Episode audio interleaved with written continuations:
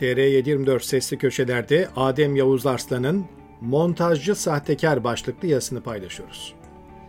Ne yalan söyleyeyim, gündeme damga vuran meşhur montaj dublaj kaseti ilk gördüğümde gülümseyip asgari zekaya sahip birisi bile siz filancanın da anlayabileceği şekilde de diyebilirsiniz, bu görüntülerin kurgu, uydurma olduğunu anlar demiş ve ciddiye almamıştım. Hele hele Cumhurbaşkanı Tayyip Erdoğan tarafından miting meydanlarında ya da televizyon ekranlarında çok önemli denilerek gösterileceğini hayal bile etmemiştim. Sonuçta sarayın milletin vergilerinden finanse ettiği troll ordularının bu tip kara propagandalarına alışmıştık ama olay genellikle medya ile sınırlı kalırdı. Fakat bu kez beklenmedik iki şey birden oldu. Öncelikle rejim aparatlarının tamamının maskesi düştü. Bir başka ifadeyle seçimleri ölüm kalım meselesi olarak gördükleri için rejim aparatı kim varsa kendilerini patlatma pahasına sahaya indi. Sözde muhalif gözüken isimler bile sarayı defansa koştu. Kamikazeleri tek tek saymaya gerek yok çünkü her şey ayan beyan ortada. Ardından Erdoğan ve müttefikleri kara propagandada zirveye çıktılar. Alenen, bilerek, isteyerek ve tekraren kendi ürettikleri yalanları dolaşıma soktular. 20 yıllık AKP iktidarında Kabataş yalanı ya da Sümeyye suikasti gibi sayısız örneğini gördük diyebilirsiniz ama bu kez durum farklı. Önceki yalanlar, kumpaslar en azından gizli kapaklı yapılıyor, kendi suçlarını günah keçisi ilan ettikleri grupların üzerine atıyor ve en önemlisi yalanın ardındaki isimler bilinse bile ispatlanamıyordu.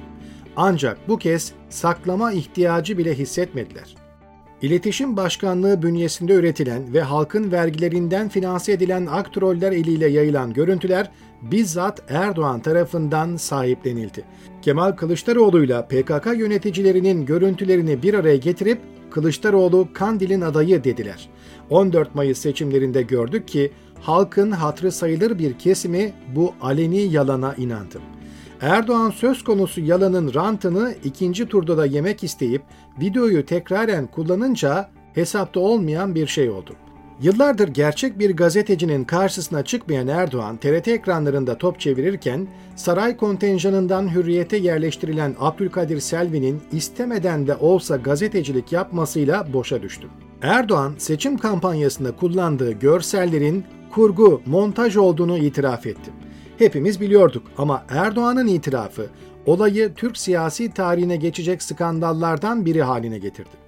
Düşünsenize, zaten eşit ve adil olmayan bir yarış yapıyorsunuz. Selahattin Demirtaş gibi en güçlü siyasi rakibinizi hapse atmışsınız, muhalif partileri dizayn etmiş, medyayı tamamen ele geçirmiş ve kamu imkanlarını pervasızca istismar ediyorsunuz. Yaptığınız hile ve hurdaları da yeterli görmeyip yarışa 5-0 geriden başlayan siyasi rakibinize komplo kuruyorsunuz. Erdoğan'ın aile fertleriyle bir olup akşama kadar para sıfırlamalarına ya da bir ihaleden 1 milyar doları cebe indirmesine alıştığımız için bu skandalı kavramakta zorlanmış olabilirsiniz. Fakat bu rezalet uzun yıllar konuşulacak türden. Her şeyden önce Erdoğan ve avanelerinin yaptığı suç. Perinçey'in tabiriyle siyasetin köpeği haline gelen yargıdan şu aşamada pek bir şey beklenmiyor ancak Erdoğan'ın bu itirafı siyasi tarihe geçti bile. Peki ben bu olayı ve Kılıçdaroğlu'nun montajcı sahtekar ifadesini neden bu kadar önemseyip yazı konusu yapıyorum? Suç örgütü lideri Sedat Peker'in deyimiyle 40 yaş altı gençler bilmez ama Türk siyasi tarihi liderlerin nükteli atışmaları ve orijinal benzetmeleriyle doludur. Özellikle Turgut Özal, Süleyman Demirel, Mesut Yılmaz ve Necmettin Erbakanlı yıllar bu açıdan hayli zengindi. Demirel'in dün dündür, bugün bugündüründen yollar yürümekle aşınmazına, Erbakan'ın gulu gulu dansı yapıyorlarından Tansu Çiller'in eski başbakanlardan Mesut Yılmaz'a hitaben şerefsiz onbaşı demesi gibi mebzul miktarda söz hafızalara kazındı. Dediğim gibi bu konuda sayısız örnek sıralayabilirim ama mevzumuz o değil.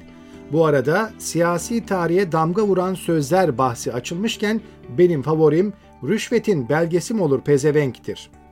Bugünün yolsuzlukları yanında çerez sayılacak bir rüşvet miktarının etrafında dönen Civangate skandalında söylenen bu söz, yolsuzluk siyaset ilişkisi bakımından eşsizdir. Gerçi Erdoğan döneminde bırakın rüşvetin belgesini adeta belgeselini, fotoromanını gördük. Ancak yine de ne zaman konu siyaset yolsuzluk ilişkisine gelse herkes rüşvetin belgesi mi olur pezevenk lafını hatırlar. İşte Kemal Kılıçdaroğlu'nun Erdoğan'a hitaben kullandığı montajcı sahtekar tanımı da böyle bir şey din, iman, vatan, millet diyerek iktidara gelen Erdoğan'ın yıllar içerisinde nasıl bir suç örgütü liderine dönüştüğünü anlatırken sık sık bu tanımlama yapılacak. Nasıl ki MİT Başkanı Hakan Fidan'dan bahsederken herkes 2014'te internete düşen meşhur ses kaydındaki karşıya 3 adam gönderir, bu tarafa 5 füze attırır ve savaş gerekçesi çıkartırım lafını hatırlıyor, Aynı durum Erdoğan için de geçerli olacak. Fidan'ın bu ifadesi rejimin iş yapma karakteristiğini tek cümleyle özetlemişti. Erdoğan'ın montajsa montaj ifadesi de aynen öyle. Erdoğan ve yol arkadaşları için hedefe götürecek her şey mübah. Çalmak, çırpmak, yalan söylemek, alenen kumpas kurmak ve daha nice illegal işler. O yüzden Erdoğan ve yol arkadaşları ile ilgili değerlendirme yaparken şu soruyu akıllarda tutmak gerekiyor. Seçimde yarıştığı siyasi rakibine bu kumpasları kurabilen bir siyasetçi, elinde tuttuğu devlet imkanlarıyla sıradan insanlara başka hangi tür kumpasları kurmuştur? Sıkışınca aleni yalan söyleyen, tüm kutsal değerleri yalanlarına alet eden Erdoğan, iktidarını sürdürmek için başka hangi yalanları kurguları yapmıştır? Mesela avantajlı girdiği seçim için bile böyle pervasızca kumpaslar yapabilen Erdoğan ve müttefikleri 15 Temmuz'a giden yolda hangi kumpasları tezgahlamıştır? Düşünmekte fayda var.